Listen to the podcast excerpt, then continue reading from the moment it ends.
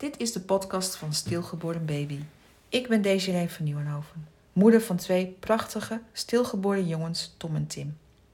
Deze podcast bevat items die eraan gaan bijdragen dat er bewustwording komt over het onderwerp stilgeboorte.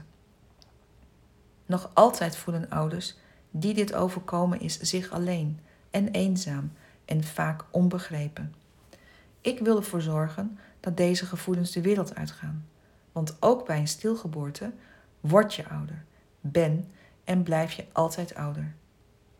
In deze aflevering heb ik het over. We werden gewoon genegeerd. Het is prachtig weer en we besluiten een wandeling te gaan maken in het bos. Heerlijk die geur van de bomen en het geluid van de vogels. Een frisse neus halen deden we vaker na het afscheid van ons kindje een aantal maanden geleden. Er waren veel mensen in het bos. We hadden er niet aan gedacht dat het herfstvakantie was. Dan gaan ouders met kinderen vaak het bos in om te wandelen. Het zien van deze gezinnen confronteert ons met ons verdriet.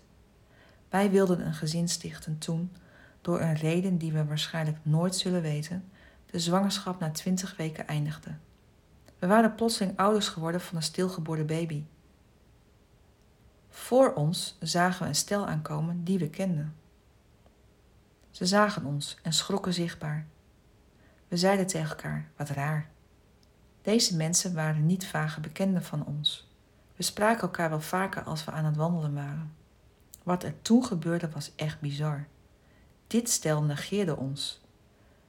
We zagen dat ze zich zichtbaar ongemakkelijk voelden. We waren met stomheid geslagen en stamelden toch maar hallo.